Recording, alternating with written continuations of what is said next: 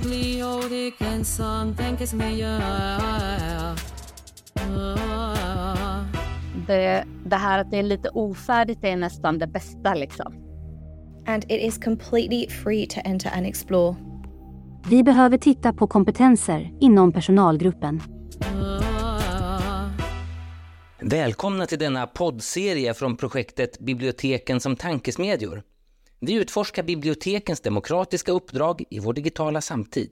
Och mycket vatten har ju flutit under broarna sedan Valfrid Palmgren importerade det moderna folkbiblioteket till Sverige vid förra sekelskiftet. Precis som all annan verksamhet uppdateras biblioteken dels av sin egna fria vilja och dels av ett tryck utifrån för att behålla sin relevans. Nya roller tillkommer och andra faller från. En relativt ny roll är ju till exempel att hjälpa medborgare att bättra på sin digitala kompetens för att lösa sina bank och myndighetskontakter. Och det här är ju något som kan vara mer eller mindre önskvärt, men oavsett så finns det där. En annan sån ny roll har beskrivits mycket förtjänstfullt av Rasmus Fleischer i boken Boken och biblioteket. Och den handlar om att låna ut e-böcker. Fleischer beskriver en roll som har förskjutits från att man har lånat ut böcker, bevarat ord och titlar och sett till att de även finns till godo för eftervärlden. Det här är fysiska källor man kan gå till. Med e-böcker har rollen plötsligt blivit att begränsa tillgången att radera den digitala kopian från låntagarens digitala enhet. Man går från en bevarare till någon som raderar tillgången till information. Ja, man kan då ägna väldigt mycket mer tid än en kort podcast till att resonera om hur digitaliseringen påverkat bibliotekets tidigare roll. Men det är inte det vi ska göra nu. Vår podd ska ju handla om det demokratiska uppdraget i en digital tid. Och jag har tänkt att eh, det här avsnittet ska handla om en av de starkaste trenderna, Bibliotek har ju sedan länge varit mänsklighetens tempel för kunskap. Sedan antikens dagar har den tjänat som institutioner där information och kunskap förvarats, bevarats och framförallt delats fritt. Deras grundläggande uppdrag har varit att ge varje individ, oavsett bakgrund, möjlighet att lära sig, utforska och växa. Det mest symboliska av alla kunskapstempel, det måste ha varit biblioteket i Alexandria, som nu faktiskt har återuppbyggts.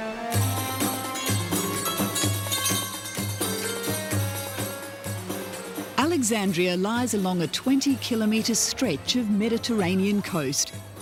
It's Egypt's Riviera. Alexandria was born in this location, selected by Alexander the Great. It was built by the Ptolemies, and its lighthouse dazzled the world. And the ancient library of Alexandria nurtured the greatest adventure of the human intellect. part academy, part research center, and part library, it welcomed the great thinkers of the age.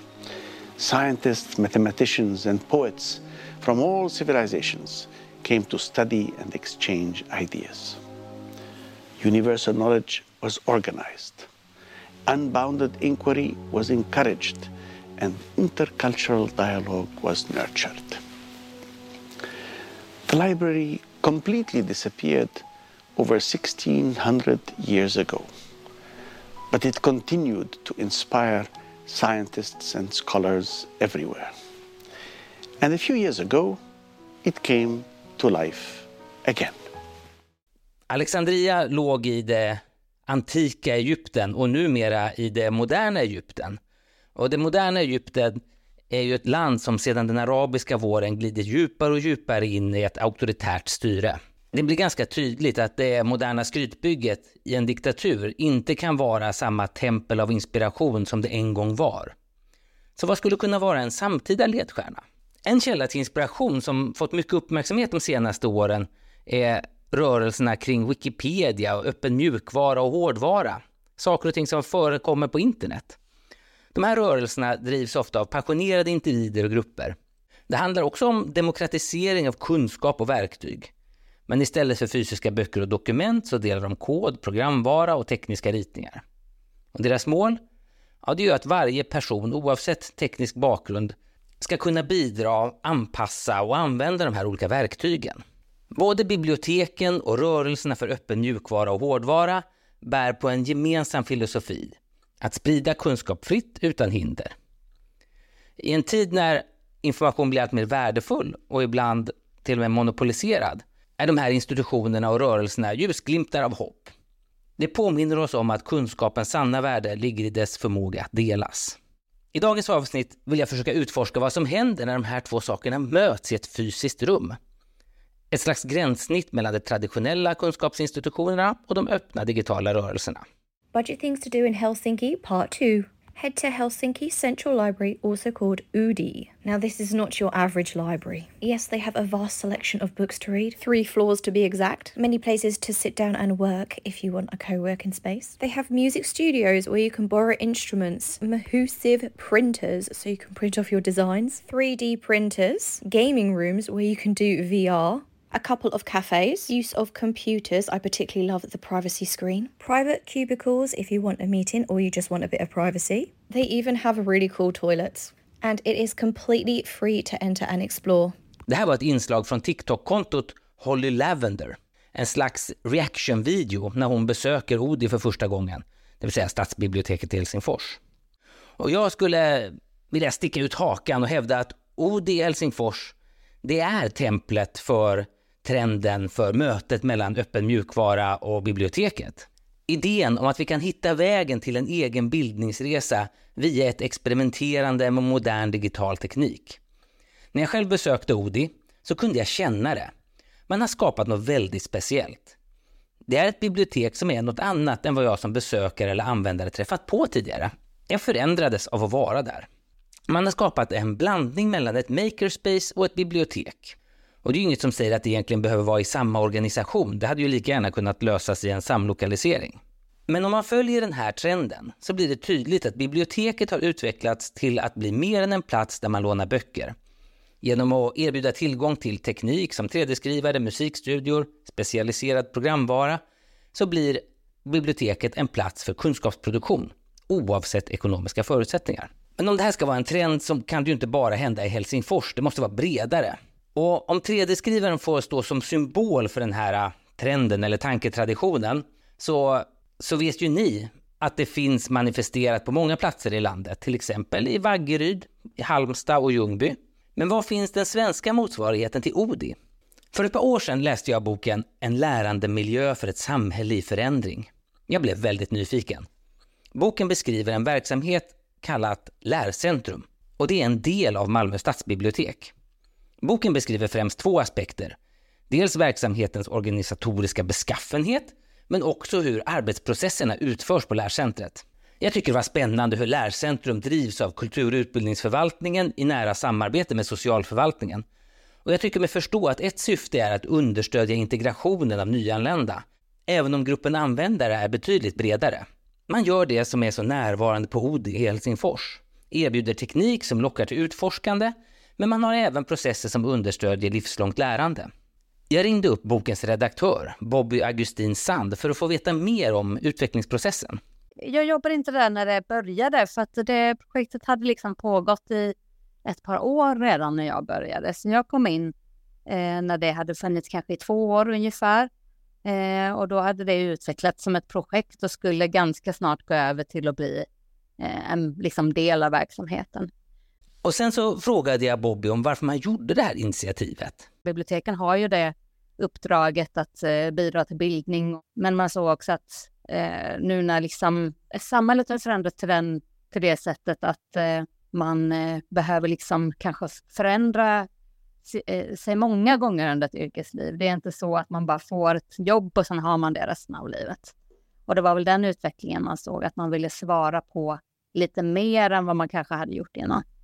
Jag ville också veta mer om hur arbetsprocessen såg ut. Det gjordes massor med olika tester. Det, liksom det första var ju att man ville faktiskt öka också den digitala kompetensen och tillgång till ja, men, plattform, tekniska plattformar. Så att det första man började med var ju ändå utrustat ett rum med datorer. Här skulle man kunna sitta eh, jobba under några timmar eller så. Men så kände man också att det räckte ju inte bara med att fylla ett rum med datorer, så det det kommer liksom inte i sig att leda till livslångt lärande på det sättet som ville.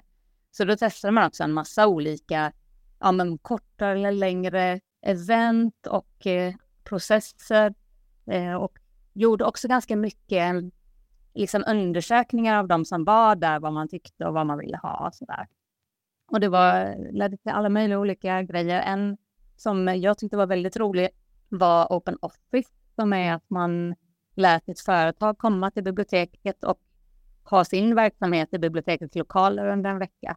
Så man gjorde olika workshops eller att man fick eh, låna en av de anställda och diskutera hur det, vad gör man i ditt jobb och så vidare. Det skapar ett möte. Det framgick i boken som Bobby varit redaktör för att man jobbat efter principerna inom UX, det vill säga user experience, och konceptet design thinking som metod i sin utveckling. Det betyder att miljön inte var färdig när man lanserade, utan att man löpande förändrade miljön utefter behov som målgruppen uttryckte. Man formulerar nya hypoteser, testar, utvärderar, förändrar igen, tills dess att man hittat en fungerande form. Konkreta exempel i boken handlar dels om öppettiderna som man försköt åt olika håll.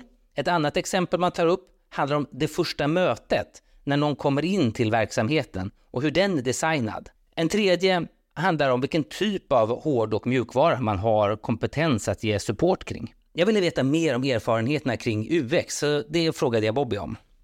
Det stämmer absolut. Eh, och det fanns väl också i hela, vad ska man säga, liksom den tid när Lärcentrum utvecklades var ju en tid när eh, man pratade väldigt mycket om design också, hur man liksom designar upplevelser och det var också väldigt mycket med crowdsourcing, alltså att man ska använda eh, de resurser som finns i närheten och, och jag tror det eh, inspirerades också mycket av de strömningarna som var just då.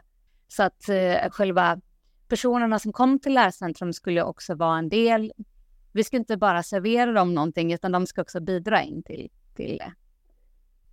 Ja, det var väl också att eh, där fanns den här viljan till att lite ifrågasätta varför gör vi så här? Eh, varför står vi bakom en disk eller hur blir det om vi inte gör det? Eh, och så vidare. Så det var nog en del i det att utforska de sakerna och också försöka vara lyhörd för hur det påverkade liksom hela miljön. Just det här att erbjuda ny tillgång till någonting som inte tidigare funnits gör ju också att nya målgrupper kommer. Vi hade ju det här, och det finns fortfarande, eh, medialabbet där, eh, där man satsade på lite mer eh, påkostade datorer, programvara, musik, för musikproduktion, bild, eh, liksom att man hade de här Adobe-programmen som annars kanske kostar väldigt mycket för folk och har inte råd att köpa det hemma. Men eh, då har man möjlighet att komma och använda de datorerna.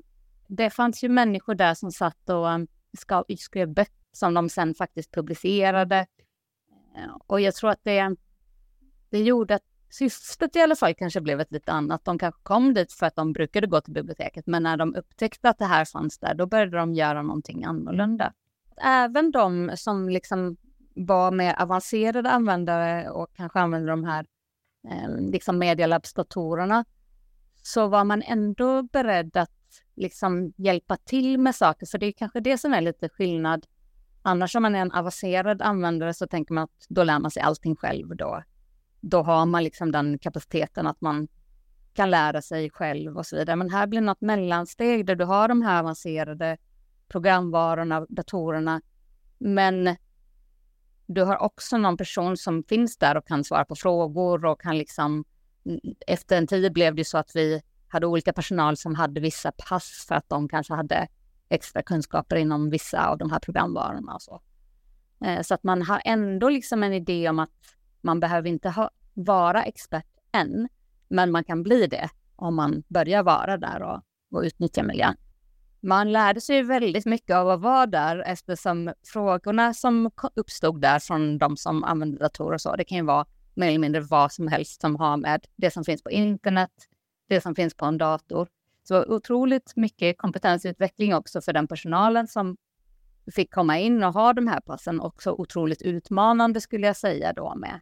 Men det var liksom en projektgrupp och sen var det också personal från resten av biblioteket som, som bemannade där jag vet inte riktigt hur det där uppstår, liksom, för att eh, det, är ju väldigt intressant hur får man liksom en miljö där, där människor känner att eh, de kan hjälpa varandra och så vidare. Och det, det uppstår ibland och ibland inte. Och ja, vi sökte väl lite efter, efter svaren på det. Vad är det som gör det och vad, det, vad är det som gör att det inte blir så? Sen eh, vet jag inte om vi hittade dem, men, men eh, det känns ju som att det här att ha en, ett experimenterande förhållningssätt verkar ändå vara någon typ av svar. Liksom. Det, det här att det är lite ofärdigt är nästan det bästa. Liksom. Ja, för mig blir det här någonstans bryggan mellan Odis digitala symaskiner och 3D-printers och Lärcentrum på Malmö stadsbibliotek. Det finns en kunskapstradition och en fysisk tradition som möts. Kollektivverkstäder och studieförbunds nära relation till handens kunskap för att stimulera till lärande och utveckling. Och det här är något som möter bibliotekens mer textbaserade kunskap. Och på grund av digitaliseringen så upplever i alla fall jag det som att det sker en omförhandling om var de här gränserna går. Jag frågar Bobby om hon känner igen sig i den här tanken. Är det så att digitaliseringen påverkar hur vi organiserar oss kring olika intressen? Det kommer ju precis ifrån deltagarkultur och ja, men det 2010 så var jag på en sån eh, crowdsourcing-konferens i San Francisco. Då var liksom det, det var det hetaste man kunde eh, prata om då. Att, och det kom ju också från internet. Alltså det var ju att man skulle börja sourca saker via, via nätet. Men på något sätt så kom det över till den fysiska miljön och att ja, men vi kan se på även vår vanliga fysiska miljö på ett lite liknande sätt. Och det är ju jätteintressant hur det liksom spiller över från något som kommer ifrån digitaliseringen och från internet framför allt till att bli än någonting som man kan implementera i en fysisk miljö och i en biblioteksverksamhet. Sen finns det ju väldigt mycket beröringspunkter mellan så här, internetkultur och biblioteken. De har ju väldigt mycket gemensamt i det att det handlar om information, ofta liksom med någon typ av ideologisk idé om att människor ska ha rätt till information. Och inte bara information, kultur och, och allt som bygger upp vårt samhälle egentligen. Och de gick ju väldigt fint hand i hand. Vid den tiden när Lärcentrum växte fram, då fanns ju hela den här internet, det är en stor fantastisk eh, tillgång som vi har som ska hjälpa oss jättemycket. Och sen har det lite efter det eh, dragit över lite mer åt att man inte är lika säker på att det bara är positivt och, och så vidare. Och så vidare. Det har kommit lite som andra strömningar i det som fortfarande inte riktigt var så, så starka då, utan då var det väldigt mycket pionjäranda och att det såg som någonting väldigt, väldigt positivt. Vilket det också är på många sätt. Den positiva föränderliga kraft som man tillskrev internet på slutet av 00-talet och början av 10-talet, den känner jag igen så väl. Jag var verkligen en del av den. Sociala medier skulle minska avståndet mellan människor runt jorden. Men som så ofta med ny teknik är det svårt att förutspå de verkliga konsekvenserna. De sociala medier som skulle sammankoppla oss verkar snarare drivit på polarisering och schismer. Hoppet kring Twitterrevolutionen i Mellanöstern och Nordafrika, den kom av sig. Och att biblioteket i Alexandria snart skulle ligga i en demokrati, den drömmen krossades. Skandaler kring Cambridge Analytica i relation till Brexitomröstningen i Storbritannien och det amerikanska valet 2016 har gjort att vår bild av internet och digitaliseringens relation till demokrati har förskjutits kraftigt. Så Bobbys beskrivning av den miljö där visionen om lärcentrum växer fram gör mig nyfiken. Jag vill höra hur hon hade resonerat idag om hon hade haft samma uppdrag nu, en gång till. Ja, det tror jag, för att då skulle man tänkt mer på vad är sant, vad är inte sant, vad är liksom, hur kommer vi kunna, kommer vi kunna avgöra vilken information vi kan lita på? Vem är det som försöker manipulera oss eh, på ett annat sätt än, än eh, vad jag upplever att eh, fanns i den liksom, diskussionerna då. Och då, då hade jag väl fokuserat lite på det, för att det är ju viktiga frågor som vi, som vi behöver förhålla oss till oavsett om vi gillar den utvecklingen eller inte, för det finns ju både positiva och negativa sidor av det som händer. Men, eh, ja, men om man vill hoppa tillbaka och liksom inte vara så dystopisk eh, så eh, jag tror ju ändå liksom att det här med att se liksom det skapande som uppstår på en plats som bibliotek. Och då menar jag inte skapande. Ett skapande behöver inte bara vara ett kreativt uttryck. Det behöver inte vara att man liksom gör en pärlplatta eller, eller spelar gitarr, även om det kan vara det. skapandet är ju också de idéer som föds och de liksom, relationer som föds och, och så i, på, i koppling till den miljön där det är. Och det är kanske snarare så att istället för att fokusera för mycket på liksom det som kan hända med påverkanskampanjer och så vidare, att ändå komma tillbaka till den eh, kreativiteten eller den platsen där eh, tankar och åsikter och så kan också...